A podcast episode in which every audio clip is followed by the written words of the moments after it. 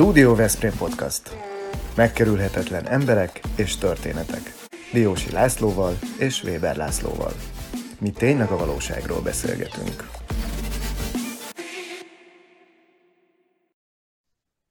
Kedves nézőink és hallgatóink, a Studio Veszprém Podcast mai adásában Szálinger Balást üdvözölhetjük, aki József Attila díjas költő, a kortárs irodalom egyik legkülönlegesebb és legsokoldalúbb alakja, majd ez ki fog derülni nyilvánvalóan a műsorban. Szia, szia! Igen, a gyöngyszem, megérkezett a gyöngyszem a, a stúdióba. Köszönjük. Ha most nincs időd végignézni vagy meghallgatni az epizódot, akkor iratkozz fel csatornánkra, és gyere vissza bármikor, amikor neked alkalmas. Így nem maradsz le semmiről. Balázs, figyelj, te mindig azt szoktad mondani, nyilatkozni, hogy a zalaiság az elsőrangú és rendkívül fontos. Most ugyan Veszprémben készül ez a műsor, de azt nyilván tudod, hogy Veszprém megyéhez tartozott egy ideig Keszthely. Beszélhetünk arról is, de én arról beszélnék inkább, hogy Zalához tartozott a teljes kóceráj. Igen. Úgyhogy, úgyhogy, úgyhogy erre de akartam kiukadni, úgyhogy érezd otthon magad a műsorban. Figyelj, ráadásul Balázs, nyilvánvalóan te is tudod, hogy Veszprém húzott egy akkorát, hogy 2023-ban, hogy nem csak Európa kulturális főváros, hanem a Balaton fővárosa. Tehát tulajdonképpen mondhatjuk, hogy az agglomerációból jelentkezel, de egy nyugati gyöngyszemből, egy nyugati Azért gyöngyszemből. Egy, Balaton, egy Balatonpart se lenne sértés a Balaton fővárosának egyébként. Így van, így van. Na jó van, körbeudvaroltuk magunkat, meg egymást. Viszont kezdjük a beszélgetést ezzel a fantasztikus vándorlással, ami a te eddigi életedet folyamatosan mindig jellemezte. Az iskolák, ugye, Kaposvár, Keszthely, Budapest, Pécs, aztán Erdély, Nagyvárad, Kolozsvár. Hogy néz ki a dolog most már? Lenyugodtál egy kicsit, és otthon képzeled el már, mint kezdteljen az életedet, vagy hogy fog ez kinézni a jövőben? Vagy meg kell mindig valami inspiráció, hogy, hogy kapjál valami kis muníciót az írásokhoz? Hát inspiráció az mindig kell. És az utazás, meg az új közegbe való kerülés, az mindig nagyon inspiráló.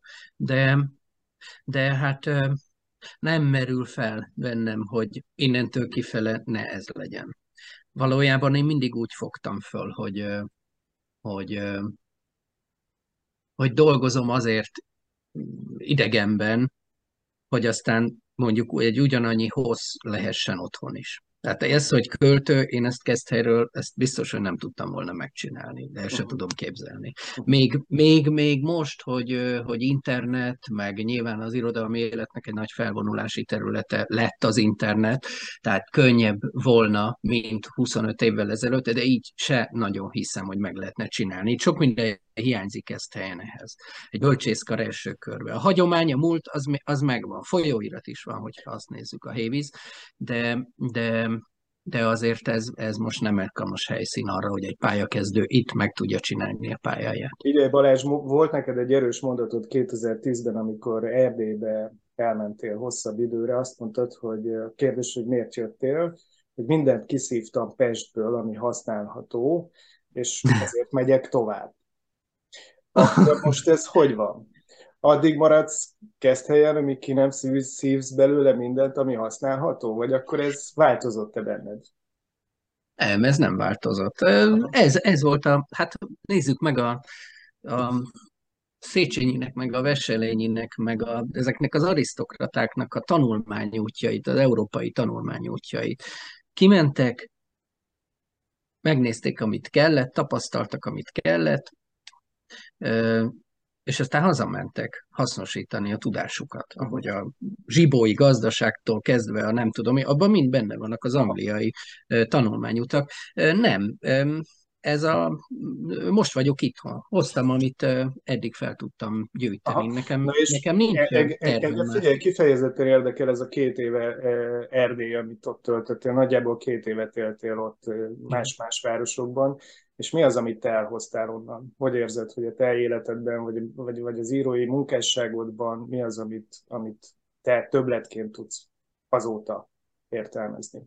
Hát az írói munkásságomban, amikor, amikor én kezdtem, tehát abszolút a pályakezdetem, az az Előretort Helyőrség nevű irodalmi folyóirathoz és annak a köréhez kapcsolódott. Közöttük voltam egy valójában, tehát nekik aztán volt kiadójuk, az első két könyve ott jelent meg, sok mindent, ami a, a irodalmi életben fontos, azt onnan tudtam meg. Tehát budapesti dolgokat is. Én hiába voltam egyetemista Pesten, közben mondjuk egy Parti Nagy Lajos nevét először én Kolozsvárról hallottam. Hmm. Nagyon érdekes. Hát egy joghallgató, joghallgató Pesten nem nagyon hallja magától Parti Nagy Lajost. Valahogy, valahogy szétszálazódott ez a két szakma, ami mondjuk még a ugye nyugatig szinte egyértelmű volt, hogy nem hát hogy mondja, egy ide jó pár évtizede, mondjuk a második világháború az újholdasok óta a, a leginkább bölcsész szakma lett az irodalom.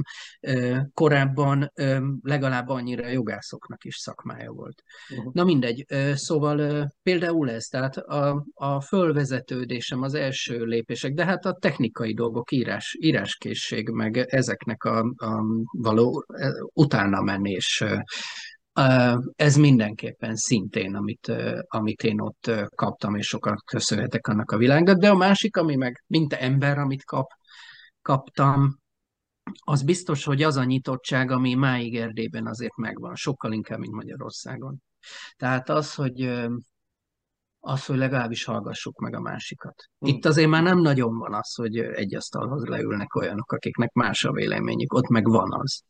Tehát ott pont ugyanúgy elküldik egymást az anyjukba, aztán utána berúgnak, és esetleg ölelkezve búcsúznak. Ez előfordul. Itt ez nem nagyon fordul elő. Ez, ez mindenképp egy nagy tapasztalás. Nagy tapasztalás a, az előítéletek mögé való benézés, mert ott milyen előítéletek élnek a magyarországiakkal kapcsolatban, tehát hogy Magyarország egyelő Alföld és Pest, tulajdonképpen semmi más. Én meg itt ülök a Dunántúlon, és na mindegy, vagy hogy nem létezik már igazi falu, az én gyerekkoromban még léteztek, most már tényleg nem nagyon léteznek. És aztán azok az előítéletek, amik meg pro-kontra, tehát pozitív-negatív is, amik meg a magyarországiak fejében élnek az erdélyekről. Az egyik irányba az, hogy tehát nyilván a tudatlanságról van szó, a történelmi tájékozatlanság. Tehát innen nézve mindenki magyar Erdélyben, mindenki. Nem is tudjuk, hogy hogy kerültek oda románok. A számokat végképp nem oh. tudjuk. Minden magyar pörgebajszú, nem tudom, néptáncolnak, nem tudom, ezek a... A másik irányból, másik vélemény meg az, hogy jönnek, lerabolnak, elveszik a nyugdíjat, nem tudom micsoda. Ezek, ezek borzalmasak, ezek borzalmasak. És Igen. egy adott szint fölött ezeket az előítéleteket tulajdonképpen mindenki ismeri, és mindenki képes kiröhögni. Ott mindenképpen kiröhögni. Ez, ez is egy nagy tapasztalás. Aha. Ó, most maradjuk azért a Dunántúlon, sőt, legújabb kori vándorlásod színhelyére tegyük át a főhadiszállásunkat Veszprémbe, mert hogy most az utóbbi időben itt megjelentél a Holt Szezon Irodalmi Fesztiválon, a papírkutyában volt egy emlékezetes verséker, aztán a Fricskában is jártál a kortársak vacsorán, de ami ennél sokkal fontosabb a karafa, amiről feltétlenül kellene beszélgetnünk. Talán ha valaki nem tud róla, akkor a Palon Várszínházban most volt a karafának a premierje, ugye ez volt az a Petőfi féle fél, félbehagyott dráma, az a 15 oldalas dráma, amit halála előtt írt a 200 éve született költő, és erre, ennek a befejezésére egy pályázatot írt ki a Panon Várszínház, amit megnyertél, befejezted ezt a drámát, drámát, talán jó, hogyha így mondom, és aztán aztán most pedig ebből egy nagyon érdekes és izgalmas darab született. Szeretném, ha erről szólnál, mert ez egy egészen különleges valami, ráadásul ahogy befejezted, az meg egészen sajátos. Hát igen. Először is a Márton Lászlóval közösen, tehát két első díjas volt, tehát nem én nyertem meg, vagyis hát ő legalább annyira megnyerte. Az övét is bemutatták, egyébként nemrég felolvasó színházi keretek között, és hát valójában neki rengeteg szereplője volt, tehát a színházilag nem volt nagyon bemutatható, tehát valószínűleg ezért nem az övét mutatták be, hanem az enyémet.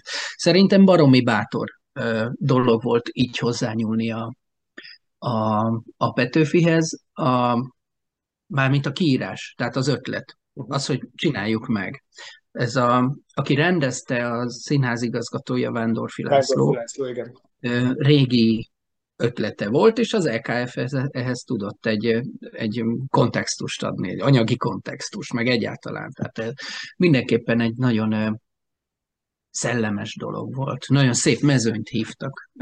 Tehát itt nem csak Márton Laci, a H. János, Zalán Tibor, a Kovács Ikrek. Meghívásos pályázat volt. Igen, igen, és akkor nyilván nem mindenki csinálta meg, aki igent mondott, tehát ez, ez én is csináltam már ilyet, hogy nem csináltam meg, de, de na mindegy, tehát ez, ez baromi jó volt.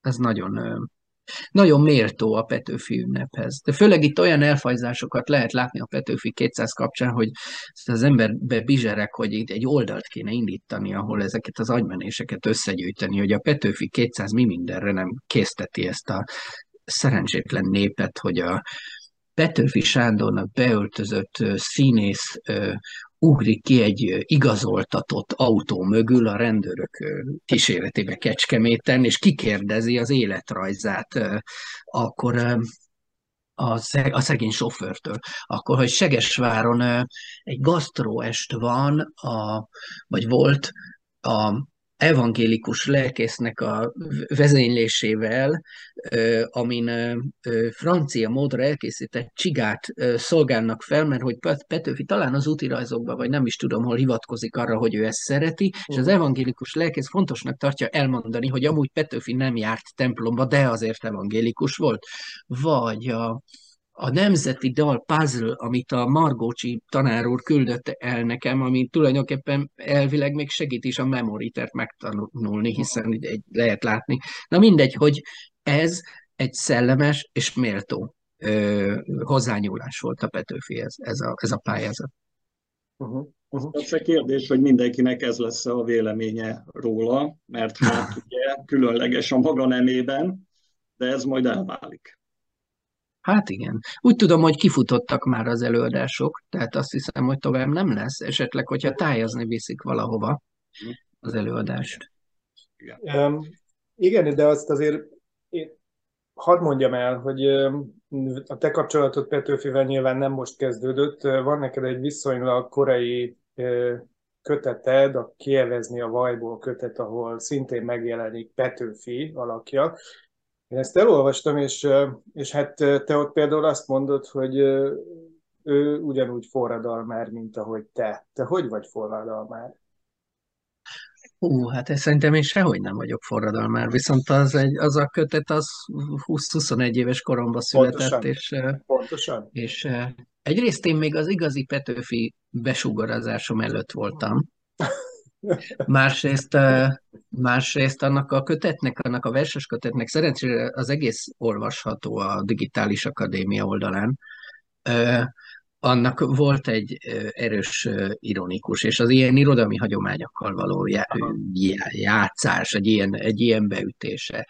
Én nem tartom magamnak forradalmat. Jó, tehát akkor azt ne tekintsük, ezt se tekintsük forradalomnak, hogy te egy groteszket írsz Petőfi dráma kezdeményéből. Tehát ez sem egyfajta... Hát nem, nem, nem hiszem, nem okay. hiszem. Lehetett volna csinálni, tehát ez a dráma kezdemény, amit uh, ugye cím nélkül állt az asztalán szegénynek mezőberényben, le volt véve a kupak a torról, és elment meghalni. Um, két és fél jelenet lett kész. Felvezet benne 16 szereplőt plusz 30 hóhért ezen kívül, tehát színházilag is csak a jó Isten tudja, hogy mi lett volna belőle. Még az is lehet, hogy ugye betekintést kaptunk a műhelyébe, amiben valójában ő nem hívott meg minket. Uh-huh. Tehát simán lehet, hogy ez a 16 nem 16 lett volna a végére, hanem megismeri a szereplőit, valakitől elbúcsúzik, valakit megtart, erősebb szerepet kap. hogy lehetett volna belőle csinálni a, a későbbi események árnyékában, hiszen ugye a kor karafája, ugye az eperjesi vésztörvényszéknek a Bécs által ide küldött vérbírója lényegében, a kor karafája, a hajnau, az meg éppen akkor húzta le a kupakot a torról, tehát két hónap múlva mindenki a kor karafájáról, hajnauról beszélt, és lehetett volna egy ilyen nagy, tragikus, nemzeti, példállítós, patetikus, nem tudom mit csinálni, de, de hogy mondjam, az nem az én, akkor az, az nem az én kihívásom lett volna. Uh-huh. Én biztos, hogy, hogy, hogy ezeket a dolgokat szerintem, amik közhelyek, és adják magukat a közhelyek, szerintem mindenképpen úgy lehet élővé tenni, hogyha egy kicsit kirántjuk a kontextusából őket. És biztos vagyok benne, hogy ezzel, hogy én egy tulajdonképpen egy ilyen levél elkeveredős vígjátékot ö, ö, írtam belőle, ö, szerintem szerintem pont úgy benne hagytam azt a rémületet, azt a rettegést, azt, a, azt, a, azt az elképzelhetetlen abszurditást, ami ott abban a városban, azokban a hetekben, sőt hónapokban, mert ugye több részletben történtek ezek a rettenetes kivégzések, megkínzások, amik, amik eperjesen ott dúltak abban az időszakban. Uh-huh. Igen. A felvezetőmben a te sokoldalúságodra utaltam, és azért ennek adjuk bizonyítékát itt a műsorban. Egyrészt azzal, hogy létrehoztad, létrehoztátok valamikor a Szűcsinger nevű formációt, ugye Szűcs Krisztiánnal, zenésszel, énekessel, nagyon sok érdekes fellépésetek volt. Ez jelenleg milyen állapotban van? Folytatódik? Csináljátok? Megvan a kedvet, kedvetek hozzá? A, a járványig nagyon jól nézett ki a, a szűcsinger tulajdonképpen. Félig meddig már, már élni is lehetett volna belőle. Nagyon szépen ment. És aztán jött a járvány, ugye a fellépések elfagytak, és aztán mindkettőnknél család, kisgyerek, és most meg még két éve történt ez a költözés is kezd helyre, úgyhogy most, most ez olyan állapotban van, hogy pont azok a dolgok hiányoznak, azok a délutánok, amikor mi csak úgy ott felejtődünk egymásnál Krisztiánnal, és van egy gitár, és, és marháskodunk.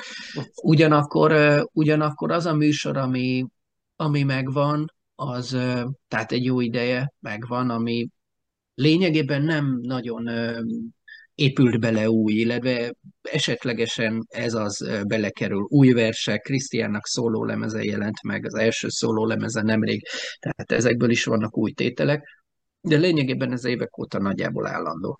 Uh-huh. Viszont az a szörnyű dolog történt ezzel, hogy még élvezzük. És ezt szerintem szerintem ezt érzi a közönség. Úgyhogy ha úgy van, akkor mindkettőtöket és mindenkit nagy szeretettel várunk a költészet napján, április 11-én Balatonalmádiba, ami egészen közel van hozzátok. Azt hiszem fél hat, fél hét vagy ilyesmi körül kezdünk. Nagyon jó, köszönjük. Úgyhogy van a dolog.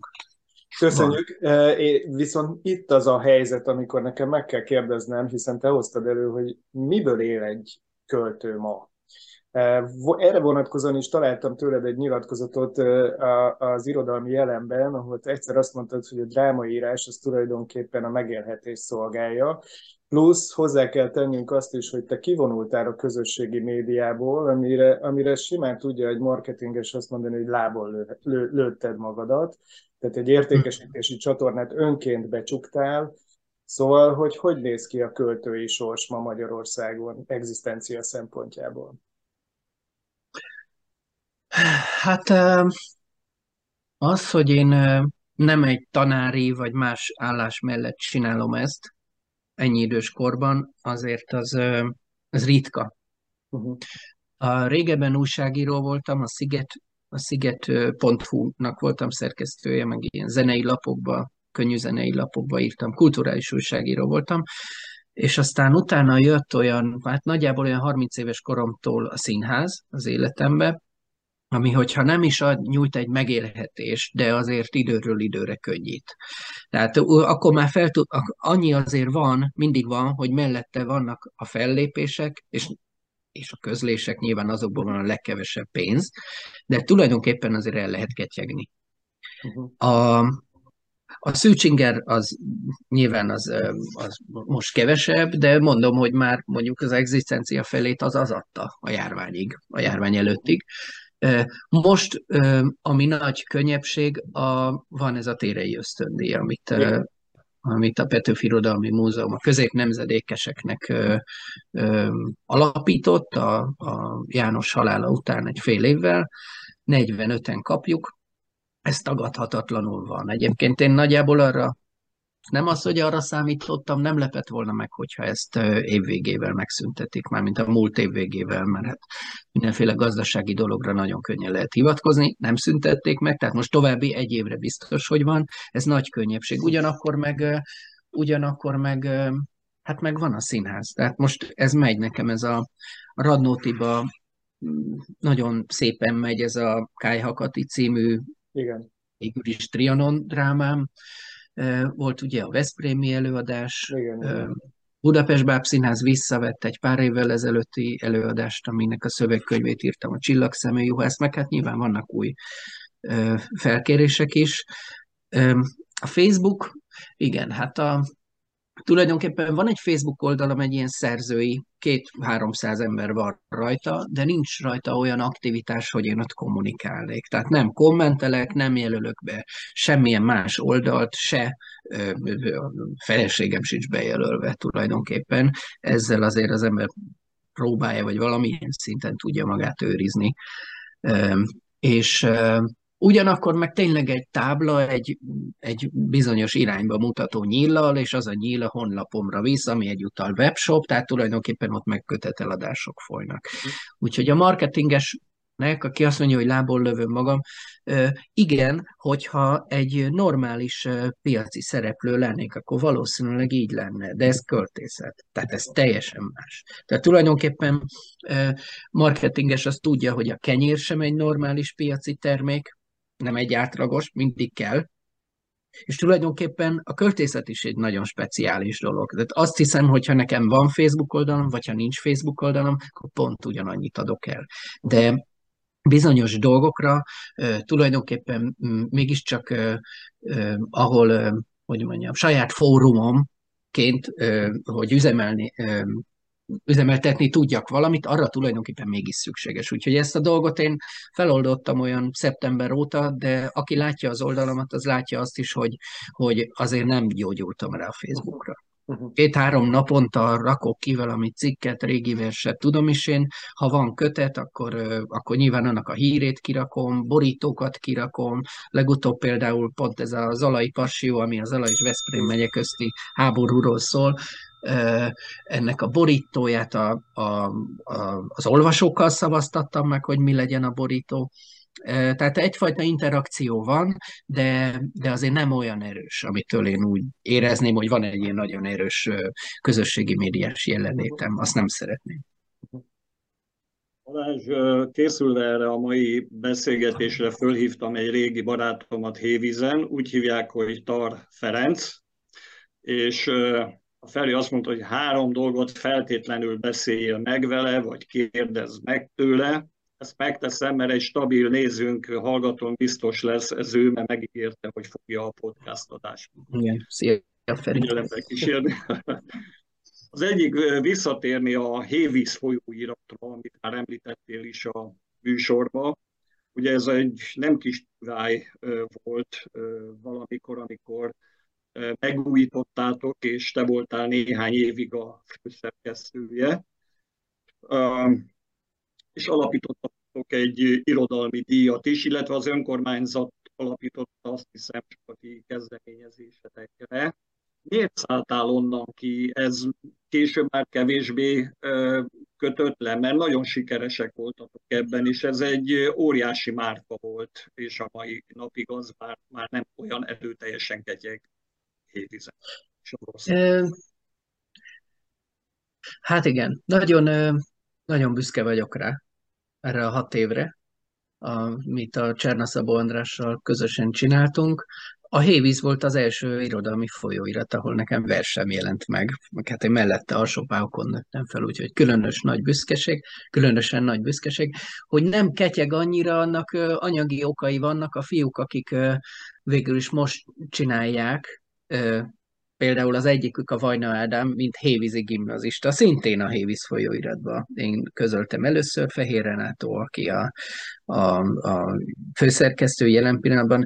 Hát ott anyagi dolgok vannak. Tehát mi két havonta tudtuk csinálni, sok estel, tényleg 100-110 ember volt egy-egy hévíz folyóirat lapszámbemutatón, egy találkozási pontja lett a festi irodalmi életnek, és most a fiúk negyedéves folyóiratot csináltak belőle, és, és hát küzdenek ezért is. Hogy miért hagytam? Hát az a helyzet, hogy több dolog is, több dolog is volt. Nekem van egy ilyen elméletem, hogy bizonyos életkor van bizonyos dolgokat az ember egyrészt próbáljon ki, másrészt kötelessége csinálni. Én mindenképp tartoztam a, a szülőhelyemnek és a folyóiratnak, amiben először közölt engem Csébi Géza még 98 első számába. A, mindenképp tartoztam azzal, hogy, hogy hogy dolgozom. Ha jól tudom, mint a folyóiratért, ha jól tudom, az is lehet, hogy ez megszűnt volna, ha mi akkor a Csernaszabóval nem vesszük át. Ha ez így lett volna, akkor most egy picit mindenképpen azon gondolkodnék, hogy nekem ebben részem volt, hogy megszűnt. Így viszont meg tudott tapadni, hat év az életemből, az, az szerintem nem is kevés a pályámból, és, és azt is el kell mondanom, hogy egyre kevesebb verset írtam, egyre kevésbé voltam én költő a pályakezdők előtt, és egyre inkább a szerkesztő bácsi lettem, és az az én meglátásom, hogy ilyet, mint lapok, folyóiratok, szerintem nem árt, hogyha ezt alkotók csinálják, de azok az alkotók olyan 40 év körül menjenek alkotni és csinálják azt a dolgot. Tehát biztos vagyok benne, most akár csak egy élet és irodalmat mondok, annak az irodalmi szekciója, a próza, vers, kritika, tulajdonképpen a, a Krisztián, a Grecsó Krisztián nálam két évvel idősebb, nagyjából most kellett ö, volna neki, mint főszerkesztő visszavonulnia. De ez az én ö, ö, ez az én személyes véleményem. Tehát amit, vannak ilyen, ilyen rossz példák, ami a holmi folyóirattal történt, hogy nem fiatalítottak, nem fiatalítottak, nem fiatalítottak, megöregedtek, és nem tudtak fiatalítani. Utána kétségbe esetten, nem, és megszűnt a folyóirat. Tehát az a helyzet, hogy szerintem meg kell tanulni átadni a stafétát, és, és mi ezt szerintem nagyon jól megcsináltuk a bandival. Közbe kell szólnom, mert fiatalítani kell. Erre Tarfeli azt mondja, hogy milyen jó lenne, hogyha a Csokonai Társaság vezérkarába ott lennél, és akkor a fiatal generációt képviselnéd, de én csak postás vagyok ebben az ügyben, elmondtam, amit kellett. Ellenben... Vannak már nálam fiatalabbak is. Jó, vettük az adást. Ellenben engem, mint volt polgármester, különösképpen érdekelne egy új projekt, aminek részese vagy, ez a, ez a hajtogató kötetecske, amit ott gyártottatok Keszthelyen, és amiben ugye rengeteg minden benne van, épületek, a Balaton Múzeum, a Csapaborozó, a Helikonpark és sok minden más, leírással, meg képpel, képpel együtt. Biztos, hogy Veszprémben is szuper lenne egy ilyesmit csinálni, különösen most, hogy Veszprém Európa kulturális fővárosa, és a városra irányul a figyelem. Kinek az ötlete volt ez, és te milyen módon vettél részt ebben? A, tudom, hogy ez nem a köztársasággal kötettel mérhető össze, és az egyéb nagy műveiddel, de apróságként ez engem feltétlenül. Hát ez a hajtogató, ez... Nincs ott a közeledbe véletlenül? Nincs. Nincs. Az a gond, hogy elosztogattam a példányaimat rád. Hogy igen, ez is egy ilyen egy, elég jó, elég jó dolog. Na, amikor két éve ide költöztünk, akkor lettek itten ismerőseink, akiket itt ismertünk már meg, és, és, és élveztük a társaságukat. És nagyjából akkor ebben a társaságban született egy ilyen ötlet. Első körben egy, egy alternatív egy térkép ötlete. Egy olyan térkép, amin azok a dolgok vannak, nem, máshogy mondom, amiken nem azok a dolgok vannak, amik a turistáknak fontosak, és ki vannak téve, hanem, hanem rejtett értékek, amik nekünk egy-egy fa, vagy egy-egy olyan szobor, amit mondjuk a Fischer György szobor, amit száműztek a város szélére, mert nem tetszett valami jobbikos képviselőnek. És, és csoda. A, a, és, és akkor ez a térkép dolog, ez, ezen a barát társaságon belül fortyogott, mint ötlet, és végül ez lett belőle, hogy egy ilyen 70, ez egy német Gyöngyi nevű hölgy rajzolta hozzá a rajzokat, és tulajdonképpen szerintem 6-8-9 fő volt azoknak a száma, akik ezekhez a rajzokhoz, grafikákhoz szócikkeket írnak. Egy fa, egy üzlet, egy, egy pizzéria, egy, tudom is én, ezek egy, egy cukrászda, épület, és, és akkor ez megjelent, és elképesztő elementáris élmény volt a bemutatója. Nagyon valami olyan lett ezzel meg birizgálva, valami olyan receptor a keszthelyi városi polgárságon belül, amit, amit, amire szerintem csak ráhibáztunk, de nagyon, én nagyon örülök neki, hogy van. Uh-huh, uh-huh. Lassan a végéhez érünk. Kopizhatjuk Veszprémbe egyébként, Igen. ha olyan kedvünk akad? Kopizhatjuk, kopizhatjuk Veszprémben? Hát én, én a 8-10 ember közül csak az egyik vagyok, aki írtam, nem tudom, 6-7 szócikket, úgyhogy ha rajtam múlik, igen, valójában ez egy nagyon jó franchise. Oké. Okay. Mindenképpen ki kell térjünk a beszélgetés végén a díjaidra. Rengeteg díjat halmoztál föl eddigi pályafutásod során, és 2023-ban gazdagodtál a Kortás Magyar Dráma díjával, ami ugye azért is különleges, mert Örkény özvegye, Radnóti Zsuzsa alapította a Kossuth díja, díjára kapott pénzdíjból, vagy összegből.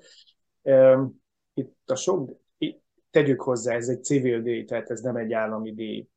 Itt a sok díjat közül ez milyen? Dobog ettől jobban a szív, vagy hol a helye a díjak között ennek a díjadnak, a legújabb díjadnak?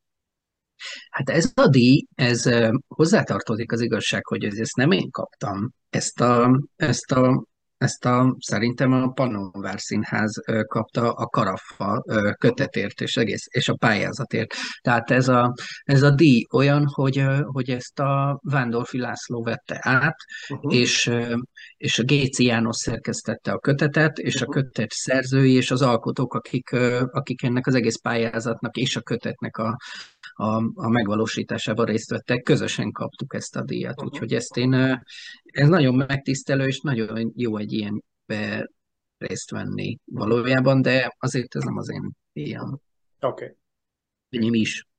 De mondjuk a Baumgarten díj, amit, amit februárban kaptam, illetve nem is díj, hanem emlékjutalom, mert ugye két kategória van, az emlékdíj, meg az emlékjutalom, az utóbbi a kisebb az, az, az, igen, az szintén civil kezdeményezés, Kukorelli Endrének egy jó pár éves kezdeményezése, és az, az pont ilyen, ami... És hát megint, amit, amit ilyenkor szoktam mondani, mert van, hogy ezeket megkérdezik, hogy valójában ezek, hát hogy egy díj az nem cél, hanem legyen legyen az a teher. Tehát, hogy innentől annak meg kell felelni. És innentől kell megfelelni. Tehát valójában egy bizalom, amit arra kapok, hogy innentől kezdve ugyanígy ilyen irányal, ilyen vektorral csináljam a munkámat. Úgyhogy ezek leginkább köteleznek, és az embert aggasztja egy kicsit, hogy meg tud-e felelni. Oké. Okay. Kedves nézőink és hallgatóink, Szálinger Balázsjal beszélgettünk, a podcastunk támogatói a Vitakin Kft., a Szófia Magánklinika, a Kianti Apartments, a Targonca Trade, a Ring Auto, a Bramag BMI Magyarország, a Nyugalom Kft., az Unilever Algida Veszprém jégkrémgyára, a Nelson Biztosítási Alkusz ZRT. köszönjük nekik, és a jövőben is számítunk rájuk. És Balázs, neked is köszönjük. Köszönjük a jelenlétedet, és azt, hogy ilyen érdekes beszélgetés. És én meg nektek köszönöm. Ez a Studio Veszprém műsora volt. Hallgasson ránk minden pénteken!